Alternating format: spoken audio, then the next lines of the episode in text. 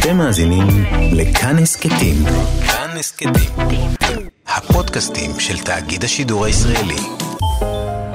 כאן תרבות מציינת את יום הזיכרון לחללי מערכות ישראל ולנפגעי פעולות האיבה.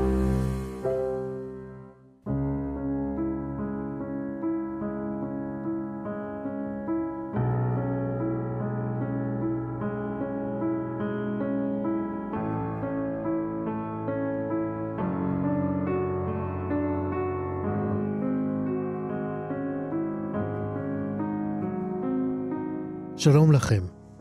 יום הזיכרון תש"פ.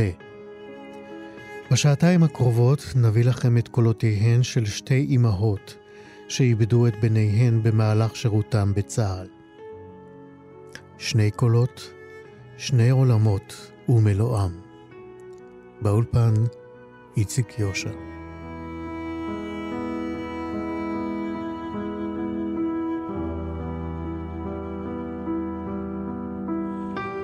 על קברו הפתוח של בנה, סמל ראשון רז מינץ, אמרה אמו אורה כך: במלחמה משיגים רק דבר אחד, עוד אמהות בוכות, שלא יכולות לומר דבר.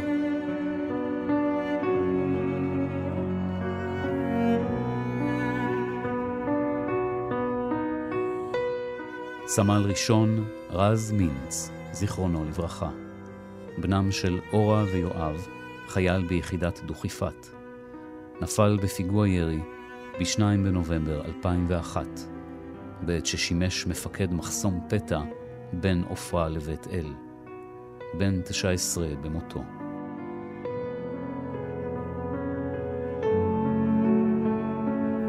שלום לאורה לפר מינץ, אימא של אה, סמל ראשון רז מינץ, זיכרונו לברכה. שלום וברכה. בשיחה איתך אמרת לנו שהמקומות שהוא חסר, רז, הולכים ונעשים יותר ויותר רבים. נכון. תארי לנו את החסר הזה. ספרי אה, לנו על רז. רגע, זה שני דברים שונים. לספר על רז וכמה הוא נפלא וכמה הוא נהדר זה דבר אחד, ולספר על החסר זה מקום אחר. אני רוצה דווקא להתייחס קודם לחסר. Mm-hmm. הורים שכולים נוהגים לומר, זה הולך ונהיה יותר ויותר קשה. ואני אומרת, זה קשה כל הזמן אותו דבר. אין יותר קשה מלראות אותם בדלת מיד אחרי הדפיקה ולשמוע בני רז נהרג בפעילות חבלנית עוינת בין עופרה לבית אל. אין קשה מזה. אלא מה? עם השנים יש עוד ועוד ועוד דברים שהוא לא שייך לשם. עוד דברים שאני רוצה לספר לו, ואתה לא מכיר את הפק, האחיין החדש שלך, ואתה לא מכיר את גיסך, ואת גיסתך, ואת האחיינים האחרים, ואתה לא יודע שעברתי דירה. אתה לא יודע, אתה פשוט לא שייך. וזה זה פשוט המקומות האלה מתעצמים, ואז נדמה שזה יותר קשה. אז זה אותו קשה כל הזמן. אני שומע אותך אומרת את, ה, את, ה, את הדברים, והנימה המתקוממת לא נעלמה מהם. אה, אני חושבת ש...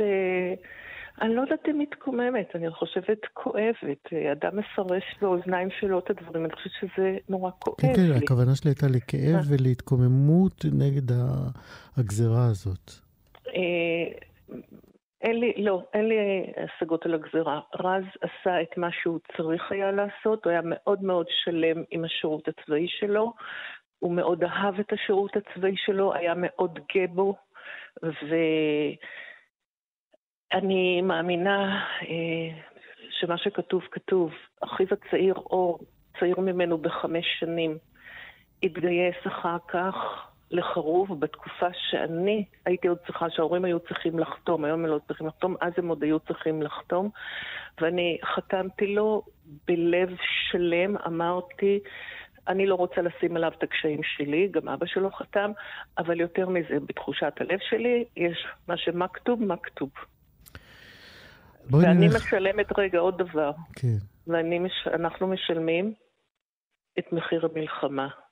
אין מנצחים במלחמה. בהספד בלוויה של רז התחלתי מה אומרת אימא על קבר בנה. אבות אומרים קדיש, מה אומרת אימא. סיפרתי מי היה רז, וסיימתי. רז יקירי, אם לא נלמד לדבר, תהיינה עוד אמהות שלא יודעות מה לומר. זה המחיר. בואי באמת אה, נלך אחורה, אני רוצה שנכיר קצת יותר את רז. אה, את זוכרת את היום שהוא נולד? וואו, מאוד מאוד מאוד. אה, רז הילד השלישי שלי, ולי יש הריונות של פיל, הם לא נגמרים. ונסעתי בבוקר עם אבא של רז לבית החולים, ולבדיקה שגרתית. ואז אמרו לי, את יודעת מה, אל תחזרי הביתה, תסתובבי קצת, אנחנו חושבים שתהיה לידה, זה כבר שבוע 42. ואמרנו לאימא שלי שנשארה עם הילדים האחרים אצלי בבית, אנחנו מתעכבים קצת.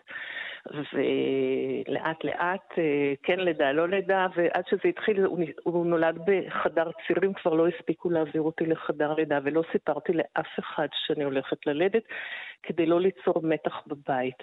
ואז אני אומרת לרופא, הוא נולד, הוא בריא, הכל בסדר, תן לי לצלצל הביתה, תן לי לצלצל הביתה לבשר. אז הוא אומר, אני כבר בישרתי לשני אנשים.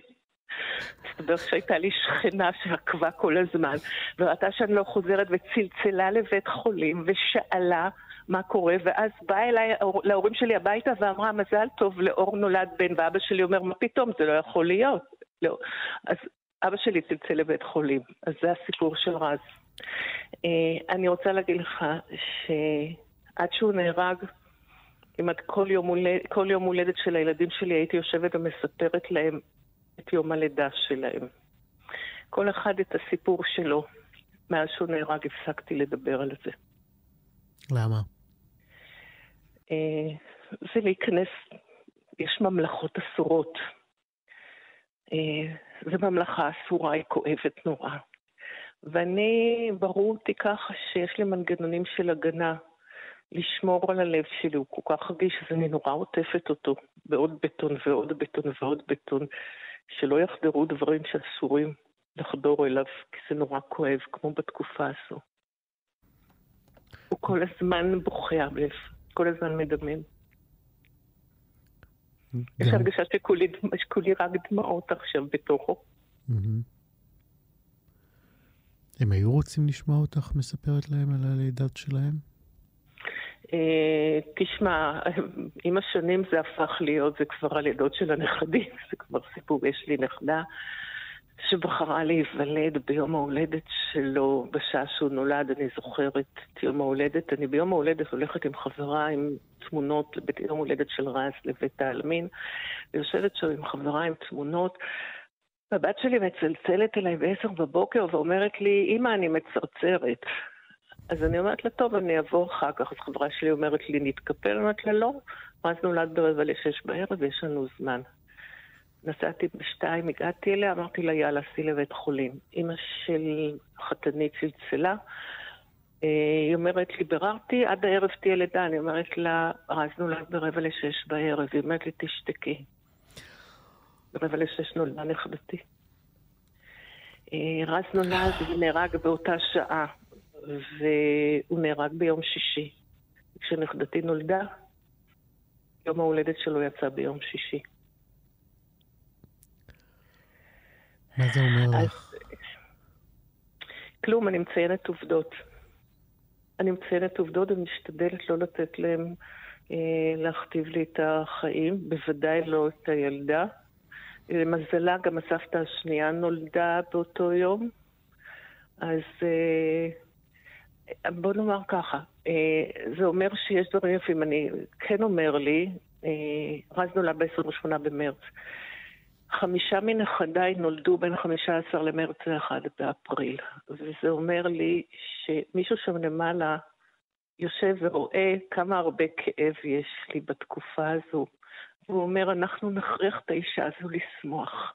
אנחנו נדאג שהיא כל הזמן תצטרך לשמוח שהיא לא תהיה עם הכאב שהיא לא יכולה להכיל.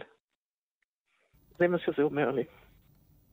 אבל uh, יום הולדת של נכדה ביום הולדת למת, תאר לך לרגע את יום הזיכרון ויום העצמאות באותו יום ביחד, כל הזמן באותו יום ביחד. אתה יכול לתאר לעצמך את יום הזיכרון עם יום העצמאות ביחד? על זה גדלנו.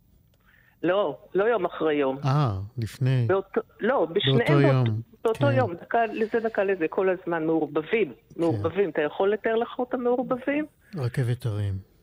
יפה. כך נראים חייך?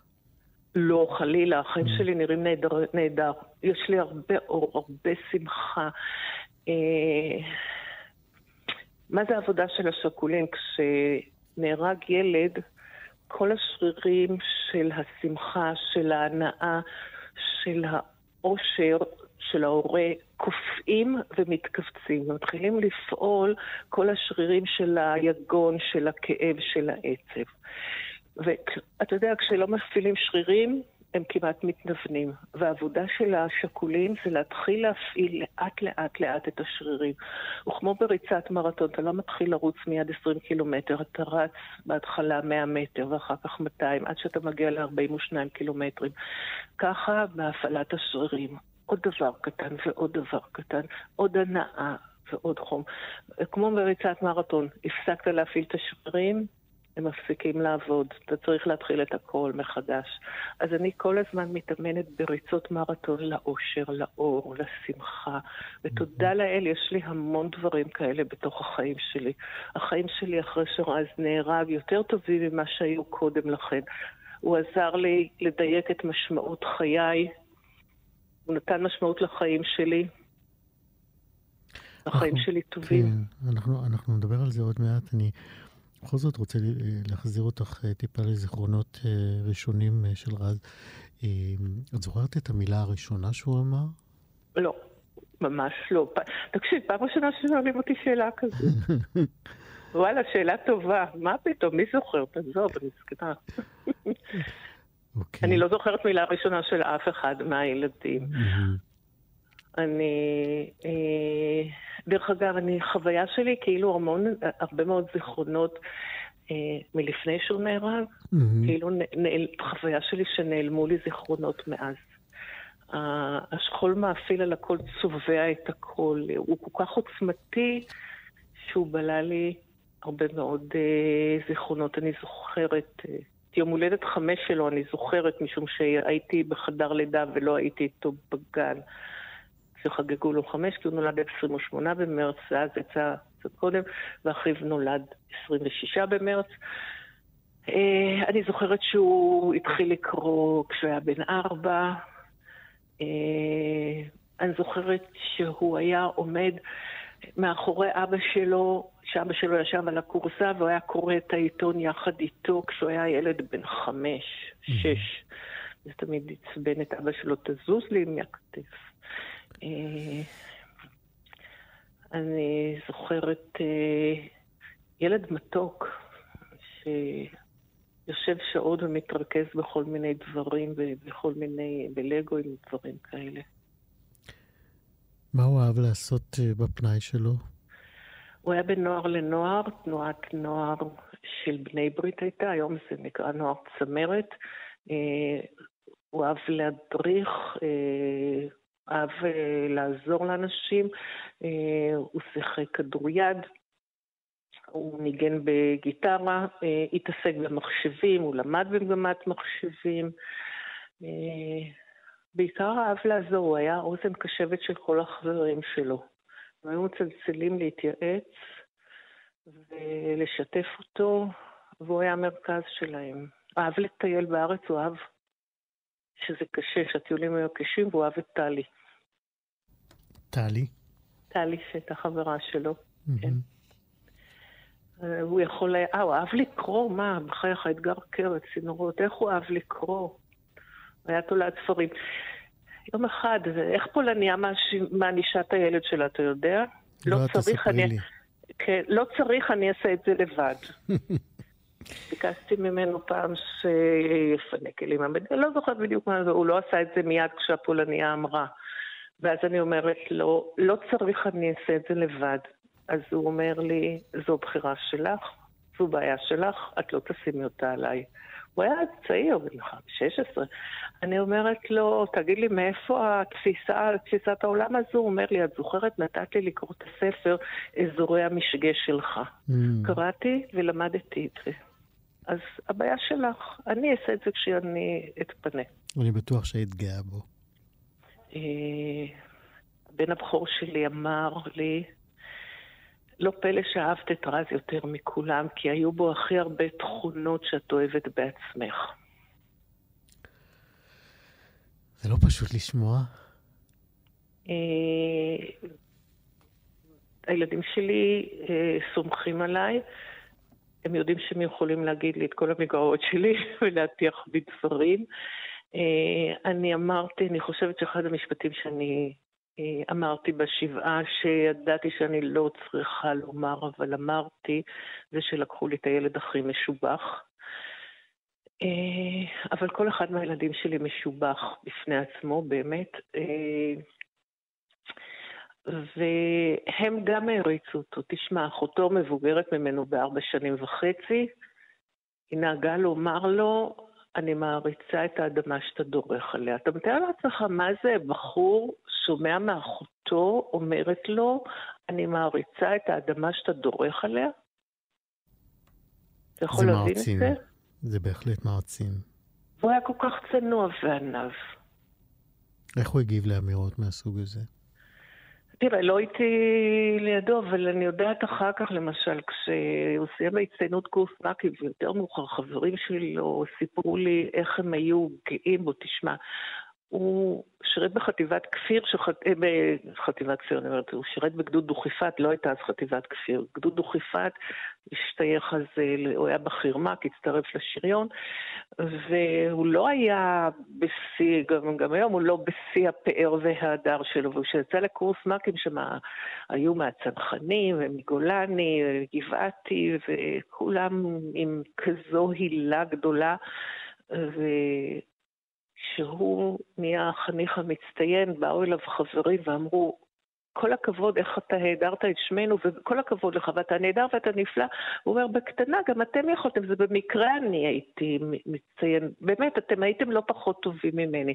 זה החברים שלו אחר כך סיפרו.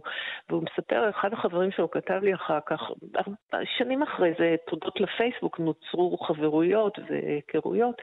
הוא אומר, באתי, רציתי נורא לקנות לו משהו בשקם, כי הייתי כל כך גאה, והוא אומר, לא, לא צריך, תקנה לחיילים, תקנה לאחרים. דברים, אני בסדר. צנוע וענב, ואם הוא היה יודע שאני מדברת עליו ככה, היום הוא היה הורג אותי. טוב, את כאן כדי לסגור אותו. את זוכרת את הצו הראשון שהוא קיבל? איך את קיבלת אותו? אה, תראה, דואר רגיל, צו ראשון, אה, אני אמרתי לך, מנגנונים חזקים, אה, לא התרגשתי יותר מדי. אני זוכרת שהוא אמר לי, אני רוצה ללכת אה, לסיירות, והוא התחיל, הוא היה מגיע מבית הספר ולוקח תרמיל ויוצא בצהריים לרוץ כדי לאמן את עצמו. וכל הזמן אמר לי, אני רוצה להצטיין, אני רוצה לעשות את השירות הכי משמעותי. אה, הוא הלך לגיבושים של אה, סרט מטכ"ל ושייטת, אמרו לו, יש לך משקפיים פלוס שש וחצי, אין לך סיכוי. אז הוא רצה ללכת ל-669, ובאותה תקופה, כדי להגיע ל-669, יצטרכו ללכת לקורס חובלים, ליפול מחובלים, ואז מגיעים ליחידה. הוא עבר את המיונים של החובלים והגיע לפסיכולוג, ושם משום מה הוא נפל. ואז ביקש ממני שאני אעשה לו טובה, אני אברר לו לאן הוא משובץ. אמר, עשיתי ברורים, והוא אמרתי לו, אתה משובץ לאיזו יחידה, שמשון, מי שמע עליה? הוא אומר, יופי, קרבי, נהדר. הוא הגיע לבקו"ם, ועד שהוא הגיע, בחיל הים עשו בדיקה מחודשת, והגיעו למסקנה שהוא שייך לעשרה אחוזים שמנבאים להם סיכוי לסיים קורס חובלים. אז את כולם לקחו לבאח, ואותו השאירו ב... בבקו"ם, ובאו מחיל הים ואמרו לו, בוא תלך ל... תצטרף לקורס חובלים, תתנדב, הוא אמר, כבר לא רוצה, אני כבר בראש שלי נעול שאני הולך לשמשון. אז הוא פגש חבר שאמר לו, אה, בוא תעבור לדוכיפת, גדוד יותר טוב. אז הוא ביקש מאימא, ואימא אמרה לו, טוב, אני אנסה. ואז החבר אמר לי, שמשון, דוכיפת, אותו דבר, הוא רוצה דוכיפת, אז שיהיה בדוכיפת. והתחיל את השירות הצבאי שלו, ואני לא הבנתי בזה שום דבר, כי שני הילדים האחרים שלי, המבוגרים ממנו, שירתו ב-8200. אז אני הבנתי מה זה 8200 ואיך היציאות ב-8200 ומה הולך שם, ולא הבנתי שום דבר בקרבי. הוא התחיל את המסלול בספטמבר 2000, חודש לפני שפרצה האינתיפאדה, עלה לפסגות. ואז פרצה האינתיפאדה והכל מאז היסטוריה. את מספרת שרז ביקש, אז את הלכת וביררת, ויחידה קרבית כזאת ויחידה קרבית אחרת, ואין אף רגע שאת אומרת, סליחה, למה אני עוזרת לבן שלי להגיע למקום שיכול לסכן אותו? בכלל לא חשבתי שאני מסכנת אותו, בכלל לא היה לי בראש. Mm-hmm. היה לי בראש שהילדים שלי צריכים לעשות את השירות הכי משמעותי בצבא. אין, אין לי שפה כפולה. אם אני מחנכת תלמידים במדינת ישראל לעשות שירות משמעותי, אז הם צריכים לעשות שירות משמעותי גם הילדים שלי. אחותו כן הייתה אומרת לו כל פעם, תגיד לי למה אתה רוצה לקרבי, למה אתה הולך לקרבי, למה אתה לא יכול להיות במחשבים, אתה יכול להיות ב-8200 בדיוק כמונו, הולך למחשבים. אחותו לא יכלה לסבול את זה. דרך אגב, אני רוצה להגיד לך שאני התעסקתי עם הנושא הזה של החיים, החיים זה סיבלינגס, אחים ואחיות. Mm-hmm. החיים שכולים, אני מתעסקת עם זה, החיים שכולים במערכת החינוך, הזנחה מוחלטת, וגם בצבא, החיים שכולים שמתגייסים ליחידות קרביות. ונתתי הרצאה על הנושא הזה, והיו לי שיחות בעקבות אה, נפילתו של אסף רמון, שהתראיינתי ואמרתי ש...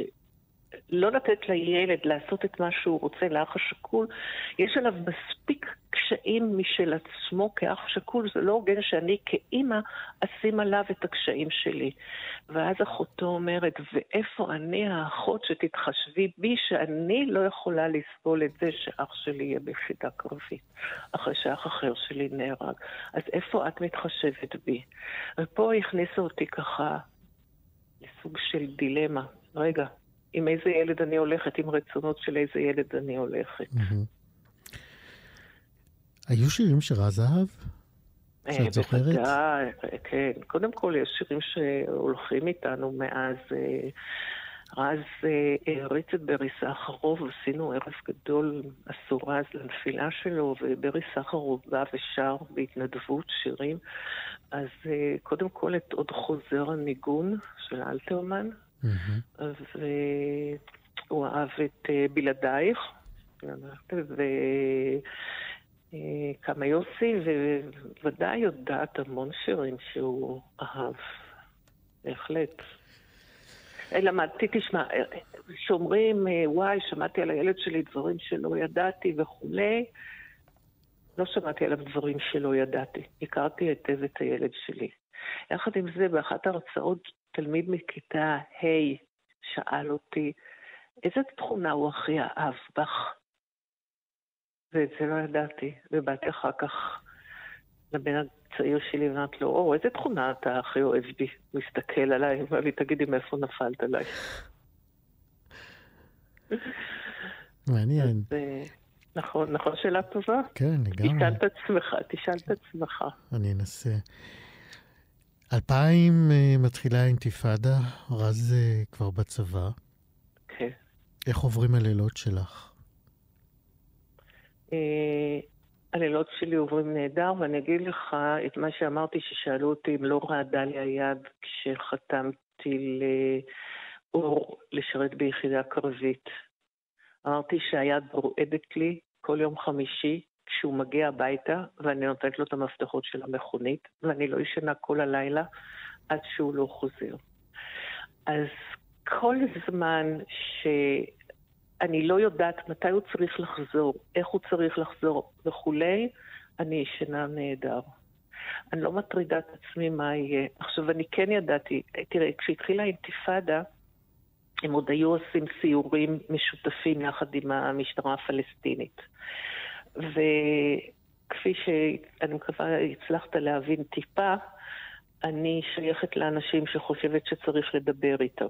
Mm-hmm. והוא היה אומר לי, ורז בא מהמקום של הביטחון, והוא היה אומר לי, אמא, את לא מבינה, את לא מכירה אותם. הם הולכים איתנו לסיורים משותפים, ואחר כך הם עולים על הגבעות, מורידים את החולצות, זורקים עלינו אבנים, ואחר כך יורדים מחדש והולכים איתנו לסיורים וחושבים שאנחנו לא רואים אותם. אז אה, הוא תיאר לי את הסיורים. הוא לא הרבה לתאר את הקושי ואני לא הרביתי לשאול. אה, אני חושבת שבאותה תקופה מה שאפיין אותי זה זו שאינה יודעת לשאול. לא ידעתי אפילו לשאול שאלות, ממש לא. מה אני אשאל אותו? אתה מסכן את עצמך? אתה חושב שהוא יענה לי? מה הוא יענה לי? כנראה שלא. כן, והתחלתי ללמוד דברים. תשמע, כשאני ראיתי, אני, אחרי שהוא נהרג, לא רציתי ללכת לראות את המקום. ורק אחר כך, כשאחרי מלחמת לבנון השנייה, כשאני שמעתי איך הולכים לראות איפה הילד נהרג, אמרתי, וואלה, אני חייבת לילד שלי לראות איפה הוא נהרג. ואז אמרתי למפקד שלו, לפני שהוא עזב שם את האזור, אה, עשה לי טובה, קח אותי לסיור, תראה לי איפה רז נהרג. והוא לקח אותי. ואני אמרתי לו, תגידו לי, אתם נורמלים? לכאן אתם שולחים שלושה חיילים? זה הרי מזמין פיגוע. עכשיו תראה, רז היה הראשון שנהרג אז במחסומים. עד אז הם לא יבואו. בואי בוא באמת, אה, כדי שאנשים יתחברו לזמן ולמקום, אה, נזכיר, זה באמת אה, תקופה של פיגועים, של מחסומים, של...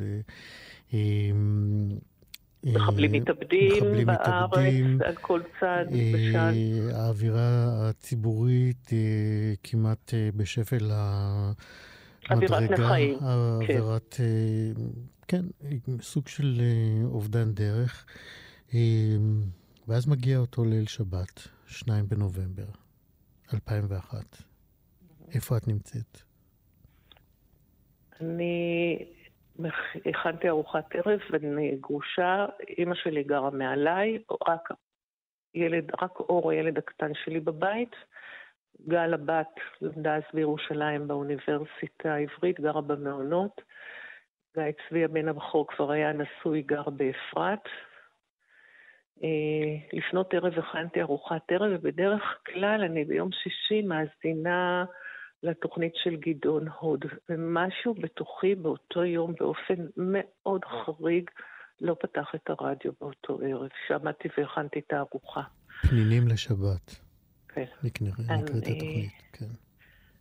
משהו, לא יודעת, עמדתי בשקט, לא, לא, לא יודעת אפילו למה, זה, זה, זה ממש נדיר, בגלל זה אני גם כל כך זוכרת את זה. אה, אימא שלי ירדה על ארוחת ערב והיא שאלת אותי מה שלום רז. אני אומרת לה, טוב, אתמול דיברנו איתו. למה דיברנו איתו אתמול? אה, רז היה אוהד אוהד שרוף של קבוצת הפועל תל אביב בכדורגל, באותה תקופה הפועל תל אביב הייתה אימפריה. הוא מצלצל בערב ואומר לי, ראית? ניצחנו, ראית כמה אנחנו גדולים? הם ניצחו אז את צ'לסי, זה הניצחון המפורסם. החלפתי משמרת, צעדתי 30 קילומטר כדי לראות את המשחק. ראית כמה אנחנו גדולים? ראית איך אנחנו נהדרים? אפרופו שאלת אותי מה הוא אהב. כדורגל. שמת לב? העריץ את הפועל תל אביב. ואז הוא אומר לי, אני, אני אבוא יכול להיות ביום ראשון הביתה. אז אני אמרתי לך מ-8200, למה לא ביום שישי, שבת? למה, מה עשית רע? כן, מיד אני חושבת מה עשית רע. הוא אומר לי, אמא, ככה זה. זהו, זו הייתה השיחה האחרונה, ואני לא זוכרת אם באותה שיחה אמרתי לו, תשמור לי על הילד או לא, כי אני תמיד בשיחות אומרת, תשמור לי על הילד. אני לא זוכרת אם אמרתי. לרז עצמו תשמור לי על הילד? תשמור לי, כן, תשמור גם לרעון, ותשמור לי על הילד שלי. כן. אתה שומר בשבילי, ואז זו הייתה השיחה האחרונה, ב... ישבנו ליד השולחן, אה, אימא שלי יורדת ושואלת אותי מה שלום רז, אני אומרת לה, בסדר, דיברנו איתו אתמול, אולי יבוא ביום ראשון. למה את לא אומרת לי, אני כל כך דואגת לך, דואגת לו? אמרת לו, אז אמרתי לך, זה עוזר לך? אז הנה, אני אמרתי לך. ברבע לתשע דפקו על הדלת, אני אומרת לאור, אור קום, זה בטח בשבילך, אותי לא מחפשים בשעה כזו.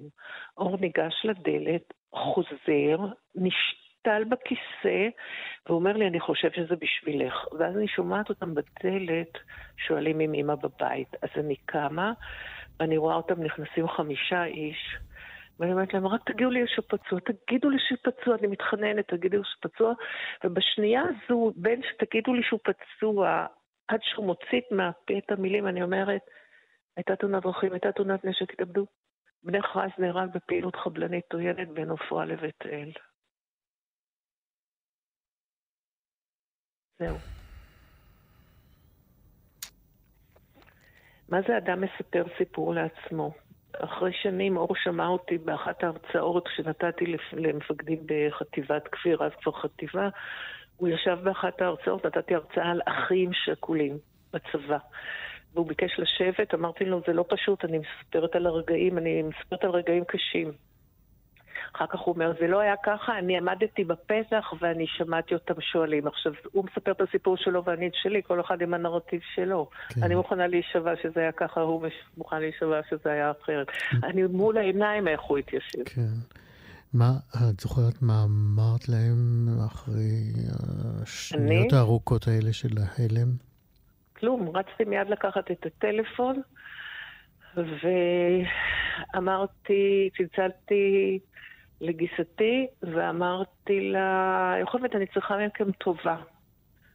אז היא אומרת לי, אין לנו זמן. אני אומרת לה, יוכבד, תשבי. קצין העיר אצלי, אני צריכה שתיסעו להודיע יחד איתו ויואב שרז נהרג. הדבר הראשון שחשבתי, זה שצריך, לס... אבא של רז הוא אח שכול, אחיו נהרג בתאונת דרכים כשהיינו צעירים. והדבר הראשון חשבתי שמישהו חייב לחבק אותו כשהוא מקבל את הידיעה. ואחר כך התחלתי, וצלצלתי אחר כך לדוד שלי בירושלים, ואמרתי לו, אני הולכת להגיד לך משהו קשה, אני צריכה עזרה. רז נהרג, אני צריכה שקצין העיר יבואו אליך ותלכו ביחד לחבק את גל כשהיא מקבלת את ההודעה. אה, אימא שלי התחילה לצעוק, תלכו מפה, תלכו מפה, תלכו מפה. אמרתי לה, תקשיבי טוב, אז נהרג, אי אפשר לשנות את זה, ומעכשיו תתנהגי בכבוד. שנים אחרי זה אמרתי, אני לא מבינה, איזה אימא אני, איך לא קראתי את ה... איך לא קראתי את השמיים עם הצעקות? תפקדתי.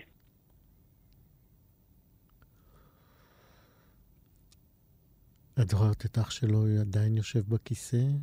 איך הוא מגיב? לא, הם מיד עברו לשבת ב... על הספה, וקצין העיר, הנציגים של קצין העיר, זה לא קצין העיר, מגיעים, מגיעים המודיעין.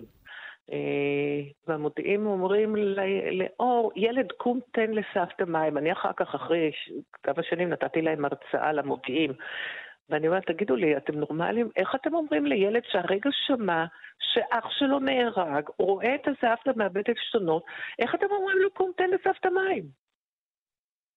למה אתם לא הולכים? הוא אומר, כי כעסו עלינו שנכנסנו למטבח. אמרתי לו, תבואו, אתם באים חמישה איש, תבואו עם בקבוק מים מינרליים, כוסות, שאחד מכם יפתח וייתן מהר כוס, מה אתם שולחים את הילד לזה?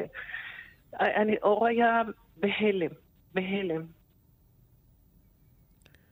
ו... אני, אם אתה שואל אותי מה היה איתו אחר כך, או בהמשך הערב, או מי היה איתו, אני לא זוכרת. אני זוכרת שהתחלתי פשוט טלפונים להודיע לאנשים שרז נהרג. ואני לא זוכרת אה, מה היה עם אור בעוונותיי הרבים. אני משתדלת ללכת למשפחות שכולות חדשות ולתת כוח ולחבק. Mm-hmm. ואם אני רואה שיש... אה, יש מקום, והרבה פעמים אומרים לי, מה, אני באה ואני מציגה את עצמי, אני אם שכולה, באתי לחבק אתכם, באתי לחזק אתכם, ומשנים ראיתי שזה מאוד נותן כוח, כי אני באה לבושה אונגפוץ כזה, משדרת לא נבחיות, אלא וואלה, אפשר לשרוד את זה. אני, אם אני רואה כשהקרקע פתוחה, אני אומרת, אם אתם מרשים לי לתת לכם טיפ אחד, תעשו לי טובה, בערב כשכולם ילכו, תלכו, תחבקו חזק את הילדים שלכם, ותגידו להם שזה בסדר, שאחרי שיעבור ההלם הראשוני, אתם תחזרו להיות הורים ממשיים בשבילם ומשמעותיים, ואתם תהיו החזקים. תחבקו אותם בערב, תגידו להם שזה בסדר. חבל שלא היה אף אחד שיגיד לי לעשות את זה לאור. אני כן חיבקתי את הבת שלי, אני זוכרת שהבת שלי הגיעה אה, אי שם בלילה המאוחר מירושלים, ואני כן זוכרת שאני חיבקתי אותה ואמרתי לה, זה בסדר ילדה שלי, אנחנו נלמד לחיות עם הכאב הזה שרז איננו ולשמוח. מאיפה ידעתי להגיד את זה? נולדתי ככה, מן אללה, לא יודעת איך. נולדתי כזאת. אני רוצה להזכיר לך uh, משפט שאמרת uh, על קברו של רז. אמרת, שאלת, uh, מה אומרת אימא על קבר בנה? רז יקירי, במלחמה משיגים רק דבר אחד, עוד אמהות בוכות שלא יכולות לומר דבר. נכון. אין לי מה להגיד לך. חשבת על זה שזה מה שאת הולכת להגיד, או שזה היה ספונטני? לא, מה, תשמע, כשהגיע אליי קצין העיר אמרתי, תקשיבו, שהתקשורת לא תעז להתקרב לפה בכלל. לא רוצה תקשורת, לא מלווים אותנו תקשורת, לא שום דבר. אבא של רז הגיע ואומר לי, והם אמרו לו, תשמע, גרושתך אמרה, היא לא רוצה תקשורת, הוא בא אליי ואומר לי, ואנחנו ביחסים נהדרים, זה אדם ש... אם אני צריכה עזרה, זה אדם שאני אבקש ממנו הכי הכי חופשי עזרה בעולם. והוא אומר לי, תראי, זו עבודה שלי, הוא היה אז אה, ברדיו חיפה, הוא אומר לי, אני לא יכול, אני מכסה את כל הפיגועים ואני הולך עם החברים שלי העיתונאים למשפחות, מה אני אגיד שזה מגיע אליי שאני לא מוכן? אומר לי, תראי, הם לא יבואו אלייך, הם לא יציקו לך, אני אהיה איתם למטה מתחת למדרגות.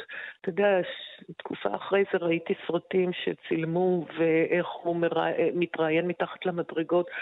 סלח לי, עומד כמו כלב, מה זה כאב לי שהתנהגתי ככה. אבל ההתחלה לא ידעתי אם אני אהיה אסופה ולא רציתי שיצלמו אותי בתוך הכאב. והגיע יום ראשון ואני פותחת את העיתון ואני אומרת לגל, תקשיבי, זה לא נורמלי, זה לא הילד שלי, זה הילד של אבא.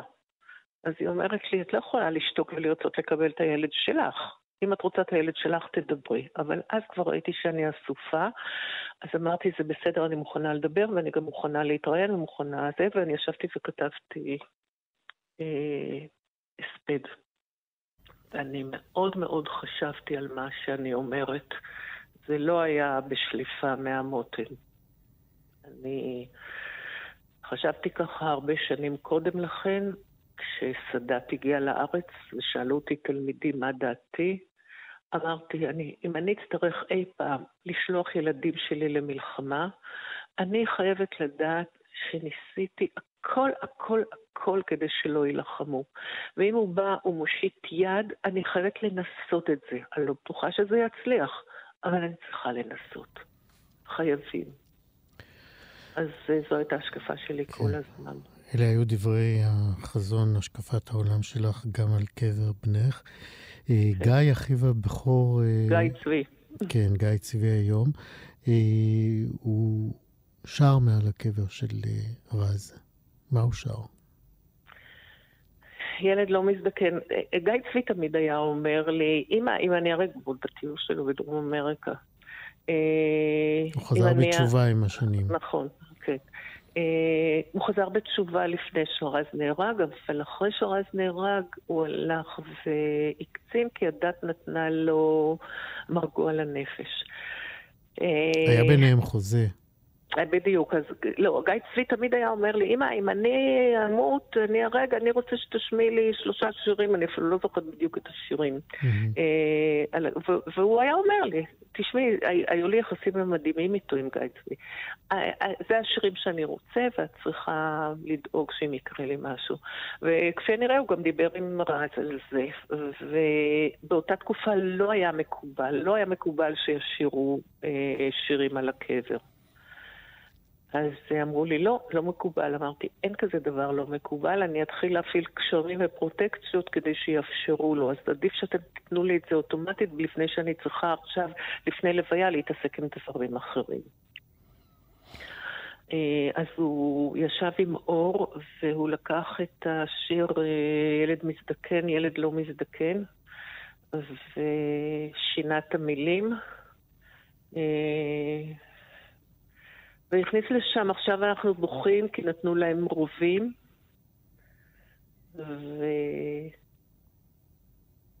ויום למחרת, וכשאנחנו הגענו לבית העלמין, יואב, אבא של רז, ראה את כל העיתונאים עומדים מולנו, מול הקבר, והוא מסמן להם שלא יעזו לצלם אותי. תאר לך את המערכת היחסים בינינו, היינו גרושים.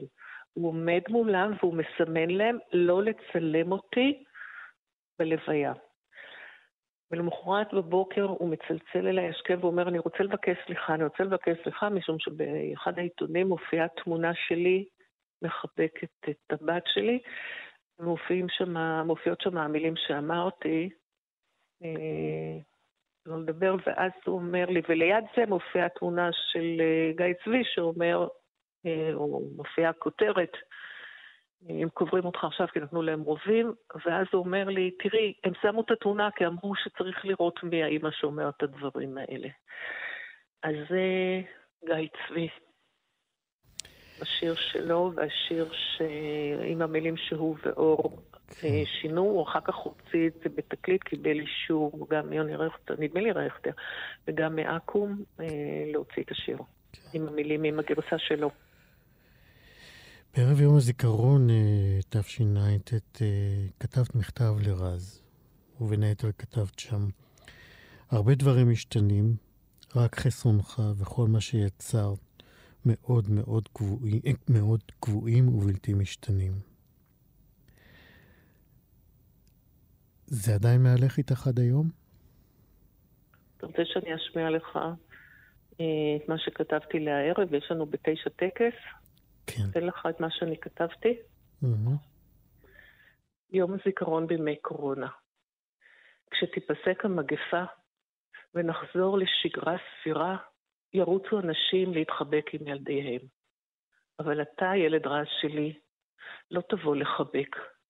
לא אוכל להסתכל עליך בעיניים, לא אוכל להסתכל לך בעיניים ולהגיד, אוף, אתה יודע כמה אני מתגעגעת אליך, כמה אני רוצה לחבק אותך חזק, ולא אשמע אותך אומר, גם אני. ומחר כשתשמע צפירה, אעמוד לגמרי לבד, ולא אראה את חבריך מסביב לחלקתך, ולא ארגיש יד תומכת של אור או של חברותיי, ואשאר רק עם הצפירה הדוקרת ועם הכאב העצום שבחסרונך.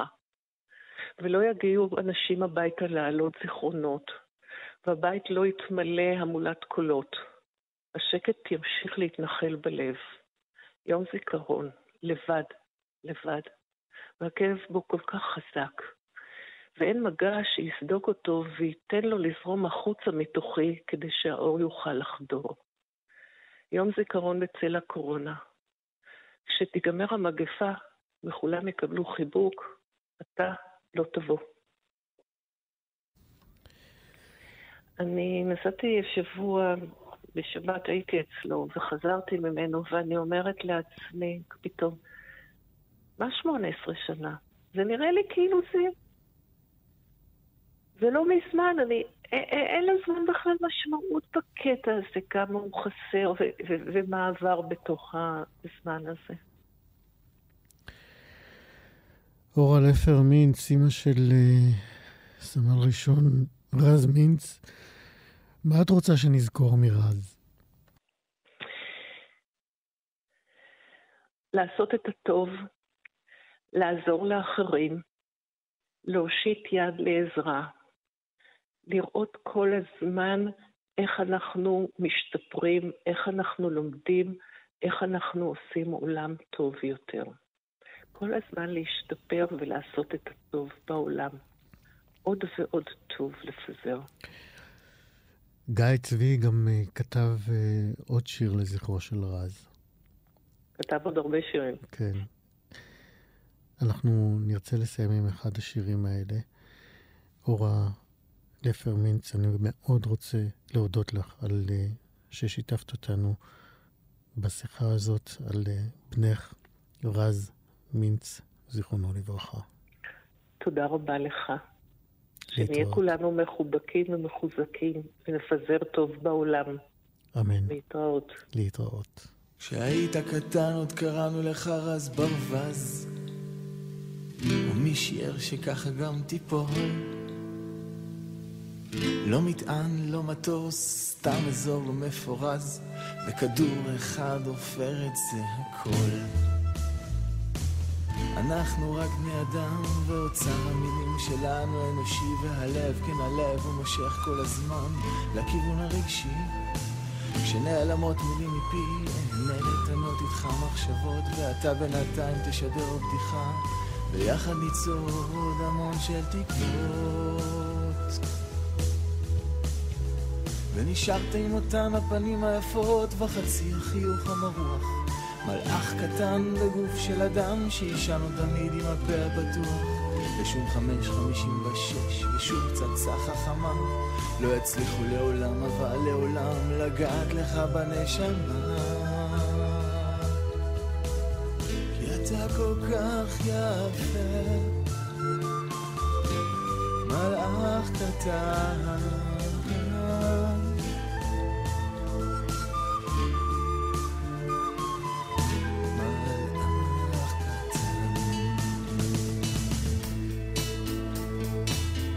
אתה לא הולך לשום מקום, אתה פה איתנו כל הזמן, יום מושלם. לא היית צריך למות כדי לשמוע כמה אוהבים אותך כולם. החבר האישי הכי טוב, איש הרז של כל אחד. עילוי שכלי מאידך, ולב נדיר מחד. עושים אותך לדבר הכי חי בעולם. נכון, רק לא בגוף. אולי זה לא סתם ככה שכל דבר מושלם. הוא בעצם שקוף. ונשארת עם אותן הפנים היפות והחצי החיוך המרוח. מלאך קטן בגוף של אדם שישן לו תמיד והפה פתוח. ולא חמש חמישים ושש ולא יודע דומה לא יצליחו לעולם, אבל לעולם לפגוע לך בנשמה. כי אתה כל כך יפה, מלאך קטן כזה.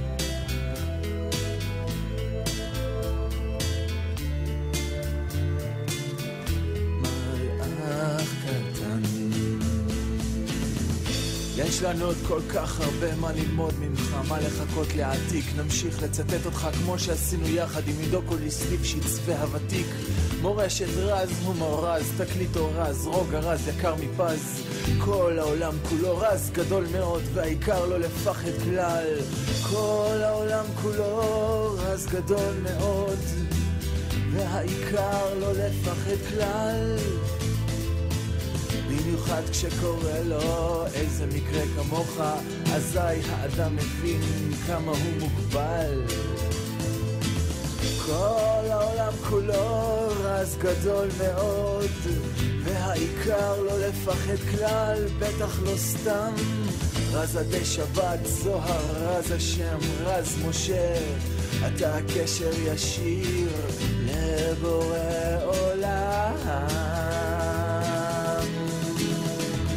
ונשארת עם אותן הפנים היפות וחצי החיוך המרוח. מלאך קטן בגוף של אדם שישן לו תמיד והפה פתוח. ולא חמש חמישים ושש ולא יורדי אדומה לא הצליחו לעולם אבל לעולם לפגוע לך בנשמה ובכל פעם שמישהו בסביבה יקרא רז, הלב שלי ירעד.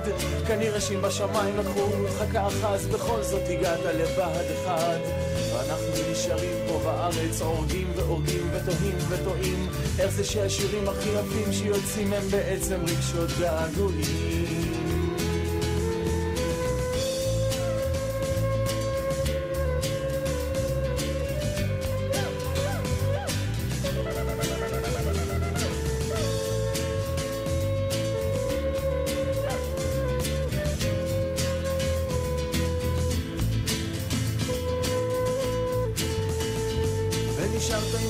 הפנים היפות וחצי החיוך המרוח. מלאך קטן בגוף של אדם שישן לו תמיד והפה פתוח. ולא חמש חמישים ושש ולא יורדי אדומה. לא יצליחו לעולם אבל לעולם לפגוע לך בנשמה. בכל פעם שמישהו בסביבה יקרא רז, הלב שלי ירעד. כנראה שאם בשמיים לקחו אותך ככה, אז בכל זאת הגעת לבה"ד אחד. ואנחנו נשארים פה בארץ, הורגים והורגים ותוהים וטועים. איך זה שהשירים הכי יפים שיוצאים הם בעצם רגשות געגועים.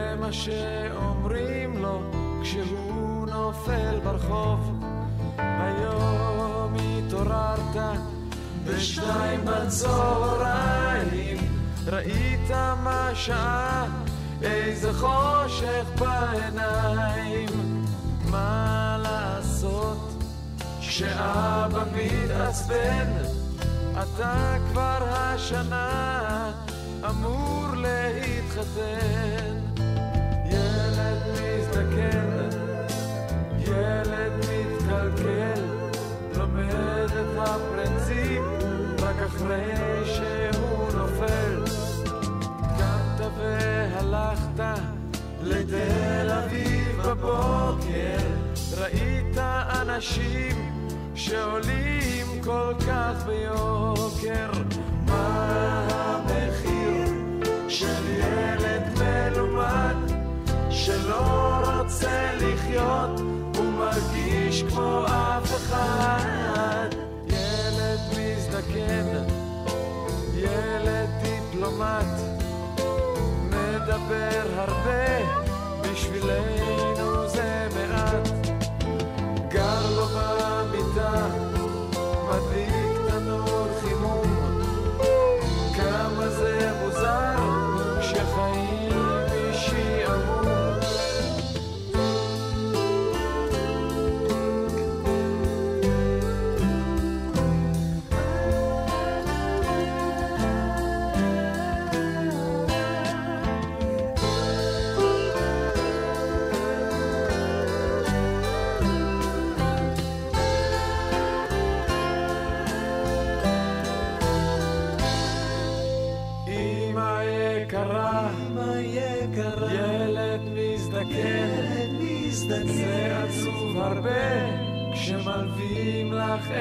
הבן.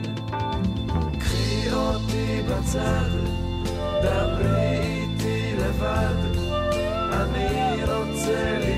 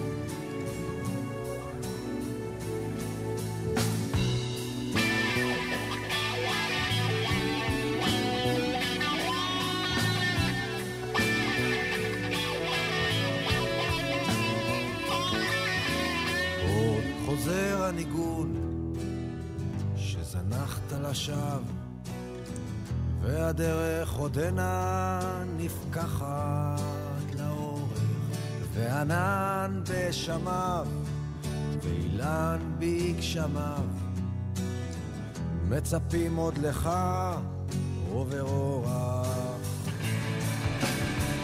והרוח תקום בטיסת נדנדות.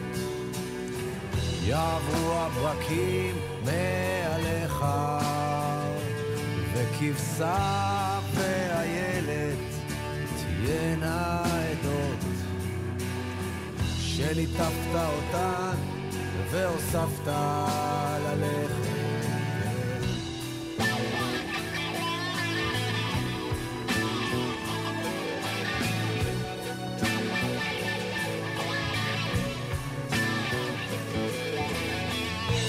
ידיך ריקות ועירך רחוקה ולא פעם סגדת הבית לחושה ירוקה אישה בצחוקה. וצמרת גשומת אף אפיים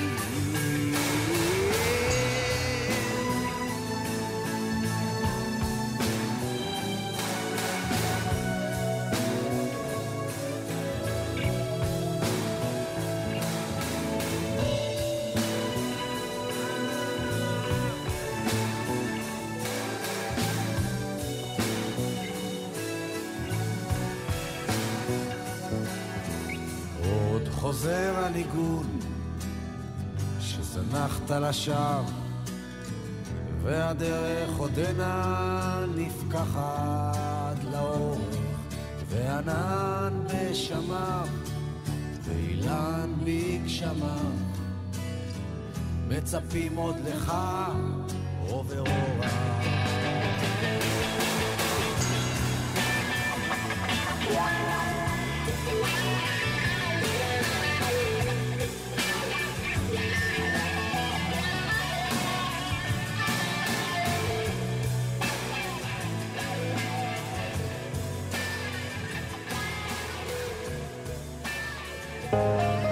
כאן תרבות מציינת את יום הזיכרון לחללי מערכות ישראל ולנפגעי פעולות האיבה.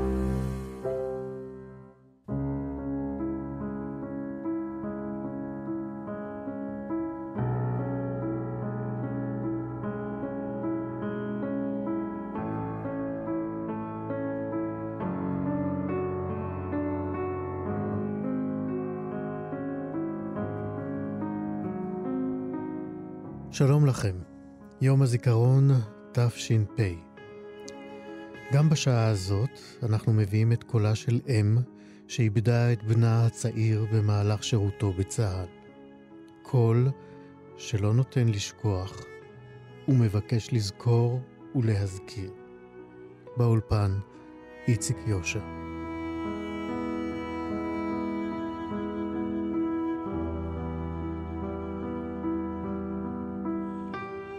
סגן אלעד גרנדיר, זיכרונו לברכה, בנם של ברוריה ואהוד, חייל גדוד נחשון, נפל ב-17 ביולי 2002 בהיתקלות עם חוליית מחבלים שהסתתרה בערוץ נחל קנה, בן 21 במותו.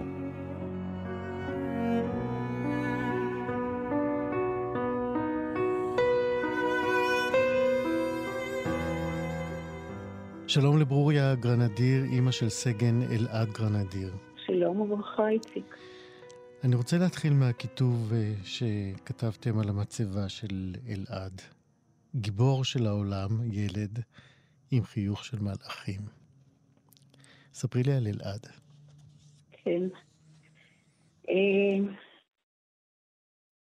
באותה עת אה, שאלעד נהרג, השיר הזה היה אה, מושמע רבות בתקשורת.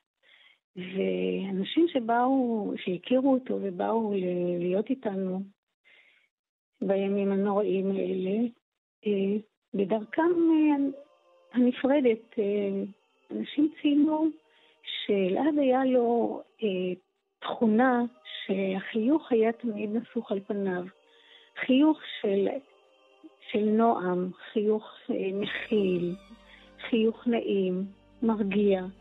חיילים מאוד uh, התרשמו מזה, כי כמפקד הוא היה מאוד דרשן וקפדן, ועומד על הדברים uh, שיעשו בצורה מאוד מדויקת ומקצועית. ומדי פעם היה מופיע מין חיוך כזה, שהיה גורם להם לה... להירגע ולהבין ש... שיש בן אדם מאחורי המפקד הזה. תשמור על העולם ילד, יש דברים שאסור לראות. תשמור על העולם ילד, אם תראה תפסיק להיות. גיבור של העולם ילד, עם חיוך של מלאכים. תשמור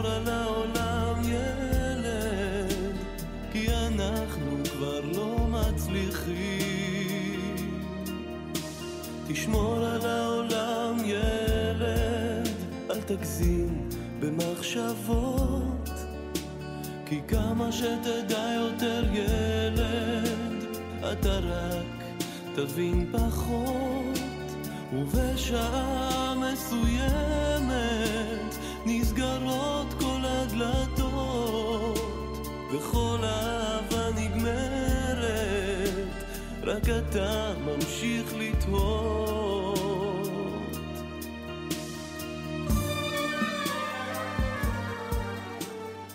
הרבו לדבר על החיוך שלו, שליווה אותו מגיל צעיר. אנחנו ידענו כהורים, הוא היה ילד חייכן, חברותי ונעים, וזה לא הפתיע אותנו ש... שאחרים ציינו את זה. וכשחשבנו אה, מה לכתוב על, ה... על המצבה, חשבנו שזה, שזה אחד מהדברים שמאפיינים את אלעד, והתחבר לשיר הקסום הזה, וכך התקבלה ההחלטה. אלעד הוא היה בכור שלכם. כן. את זוכרת אה, את היום שהוא נולד? ברור. אלעד היה אה, גם בן בכור וגם נכד בכור לסבים ולסבתות. היה יום מאושר, שמח. הוא הביא איתו אה, כל כך הרבה אושר ושמחה למשפחה. ואחר כך הסתבר שהוא גם גדל כ- כילד, כתינוק, חמוד, חביב, חברותי, מאוד מתחבר, עם, עם חוש הומור יוצא דופן. הייתה, הייתה, הביא איתו הרבה אור ושמחה למשפחה. היה יום באמת מרגש. אנחנו, הוא הפך אותנו להורים. ו... וכל המשפחה הייתה נסערת מה, מהריגוש הזה, שהנה נולד לנו בן ונכד בכור. אמ, ואחרי שנתיים אה, צירפתם לו את שני האחים שלו, התאומים. כן, נכון. אחרי שנתיים נולדו... איתן ועידו. איתן ועידו התאומים, שבסך הכל הם היו שלושה תינוקות בבית, ואלעד אבל תמיד הרגיש שהוא אה, המוביל, ושהוא אה, דואג להם, ואם יש, אה, יש איזה צורך הוא תמיד שם, והוא משחק איתם. אה, אחר כך גם בבית הספר הוא היה זה שתמיד היה לצידם, אה, שמר עליהם, הנחה אותם. לאורך כל הדרך היו, היו ביניהם אה, שיחות ומשחקים, ואחר כך גם התערבבו קצת חברים בגיל מבוגר יותר, בגיל הנעורים כבר היו יותר קרובים בגיל ובעיסוקים ובתחומי ההתעניינות.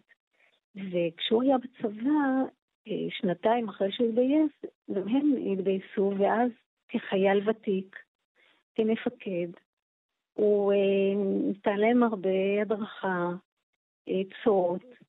טיפים, אה, איך, אה, אפילו איך לשרוך את הנעל הצבאית אה, במהירות כדי לחסוך בזמן. והוא, כן, הוא היה מעין מנהיג ש... שלהם. כן. אני רוצה לחזור טיפה ל... לילדות.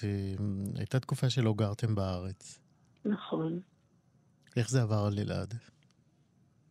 אלעד היה ב, באמצע כיתה א', וכשהגענו הברית, נסענו מטעמי לימודים של, של אהוד אביו, וכשהגענו לשם, הוא השתלב בבית ספר, בכיתה א' שלהם, והוא קיבל הנחיה אה, צמודה של מורה שליוותה אותו אה, בתוכנית של אה, לימודים לזרים. הוא ידע מעט אנגלית כי עשינו קצת הכנה בבית לפני הנסיעה.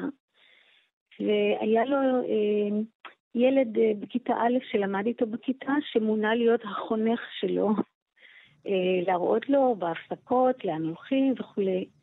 והוא אה, השתלב, הוא היה בא, הוא הולך לבית ספר ברצון, ובא הביתה עם סיפורים ועם חוויות, ובאמת אה, הוא אמר, אה, תמיד הוא היה אומר שהילד הזה הוא החונך שלו, מנהל, מנהל אותו בענייני בית הספר. והוא היה, וההשתלבות שלו בכיתה הייתה מאוד קלה, כי לדבריו, כשהוא הגיע הביתה, הוא אמר, הם לומדים בכיתה א' מה שאנחנו למדנו בגן חובה. אה, אז היה לו פשוט אה, יותר. אה, באמת השתלב יפה, ואז לקראת תחילת כיתה ב' כבר חזרנו חזרה, זאת, זאת הייתה תקופה יחסית קצרה. והחזרה הייתה לו קלה? החזרה הייתה לו קלה, כי במהלך התקופה שהיינו שם, א', אנחנו עמדנו על זה שהוא התכתב עם החברים והחברות שלו, גם כדי לחזק את העברית שרק התחילה, לימודי השפה, הכתיבה והקריאה. אז הוא היה מתכתב גלויות עם חברים, חברות, וחזרנו אה, ישר, אה, זרם לתוך החברה, לתוך הכיתה, אה, ממש ב... אפילו ללא שום פער, אה, את החזרה באמת אה, משולבת ו- ונעימה.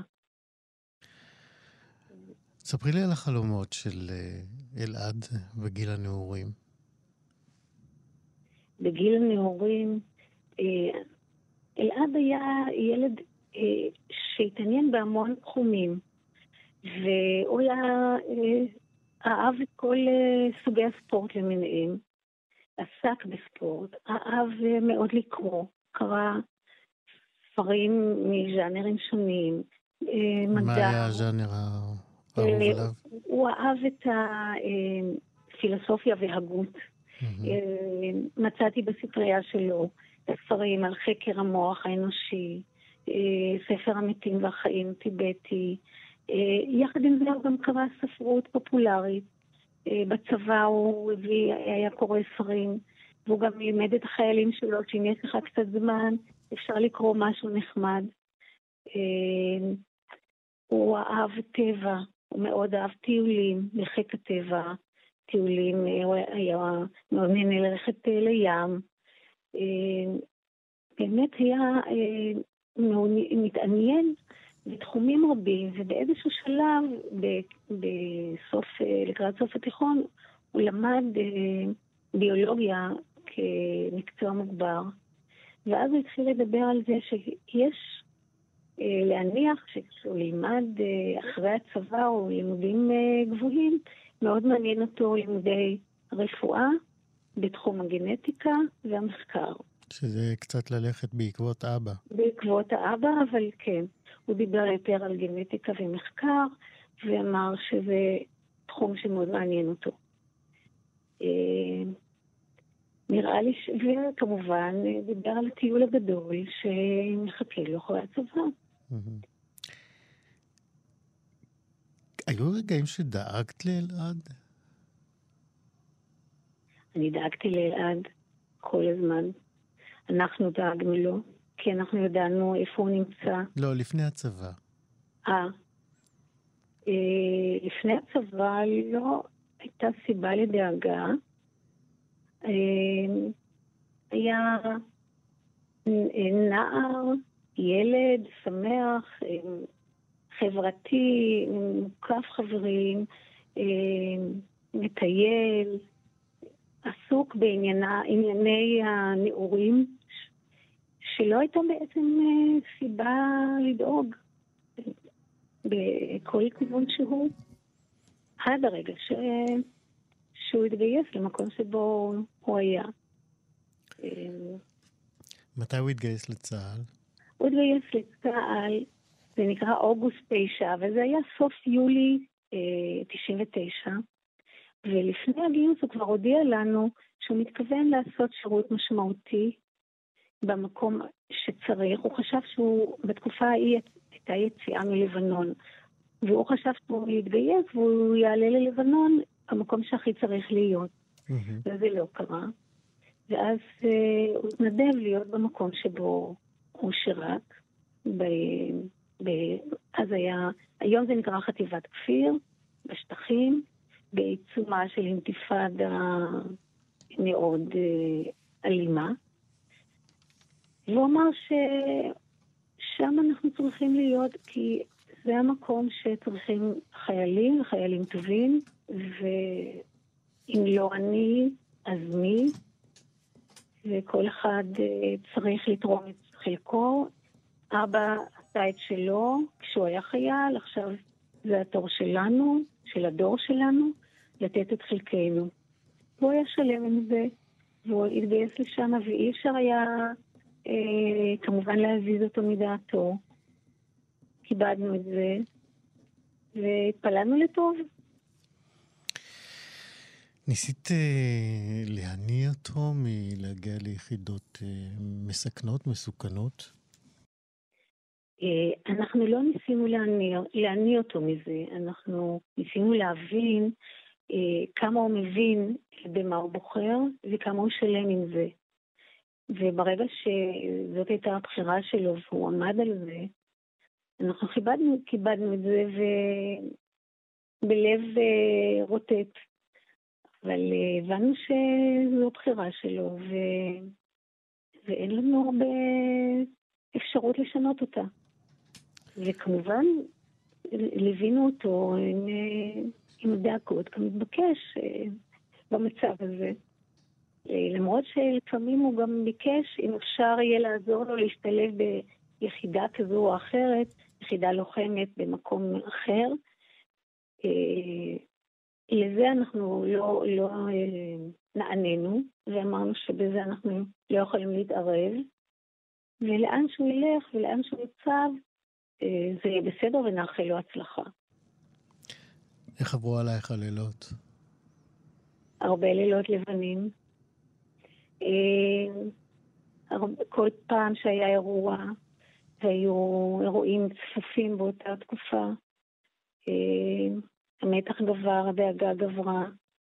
אה, רק מחכים לטלפון לשמוע שהכל בסדר, לא לדאוג, הכל בסדר. הוא ידע שצריך להודיע לנו שהוא בסדר. אה, באותה תקופה, באותה שנה... אנחנו היה... מדברים על 2002. 2002. באותה שנה היה פיגוע מאוד קשה ורב נפגעים במסעדה בחיפה שהיא לא רחוקה מהבית שלנו. וכשזה קרה, אנחנו שמענו את זה מהבית, את הבום הגדול, ובאמת היה פיגוע מאוד מאוד קשה. זה קרה בשעות צהריים מאוחרות, אחר הצהריים, לפנות ערב, אלעד מתקשר אלינו, לשאול איך אנחנו ואיך, אם אנחנו שמענו ואם אנחנו יודעים, אה, ואם אנחנו בסדר. ואז בסופה של השיחה הוא אומר, אה, אומר לי, את רואה אימא? גם עכשיו אני צריך לדאוג לכם, לא רק אתם לי. איך הרגשת? קשה. זה היה קשה, כי זה היה נכון. כי גם העורף היה חשוף לאירועים ולפיגועים. ו... קצת קשה עם חילופי התפקידים האלה פתאום, כן. שהילד שלך צריך לדאוג לך. הוא שם במקום המסוכן כל הזמן, אה, דואג לנו בפיגועים המשתנים אה, מעת לעת פה. וככה, אה, היה לי קשה עם הדאגה שלו, כי אנחנו כמובן לא רצינו שעוד להכביד עליו עוד עם שהוא יהיה טרוד בעוד דברים. זאת הייתה המציאות של אותה תקופה. והימים חלפו, וראית את אלעד אה, עולה כפורח אה, בצבא, הוא עושה קורס מ"כים, הצטיין, כן. עבר לקצונה. כן. אלעד היה... איך, הוא, איך החיילים שלו קיבלו אותו? איך הוא היה מול החיילים שלו? אה, היו לי, אה, מצד אחד, היו הרבה דברים שלא ידענו. ומצד שני, כשנודע לנו, אנחנו גם הופתענו וגם התרגשנו. כי אלעד אה, היה כמפקד, ממה, ממה שחיילים מספרים וכותבים עליו, הוא היה מפקד מאוד תובעני מבחינת המחלקה, הוא היה מפקד מחלקה, הוא קיבל חיילים שלא הגיעו כמשהו מגובש מכל כתבות הארץ, והיה צריך לעשות מהם מחלקה מגובשת, מקצועית, שתהיה מתפקדת כמחלקה טובה. ולכן גם היה לו חשוב לעמוד על הדברים, מצד אחד לדרוש דיוק, משמעת, מקצוענות, לא לוותר על אה, גם כשקשה, ומצד שני, גם להיות דואג, בהי, אה, משפחתי.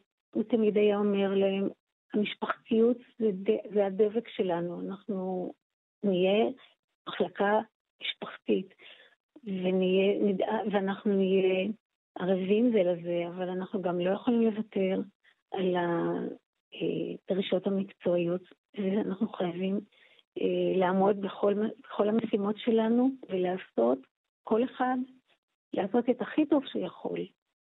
והוא נתן להם אה, תמיכה גם אה, מקצועית.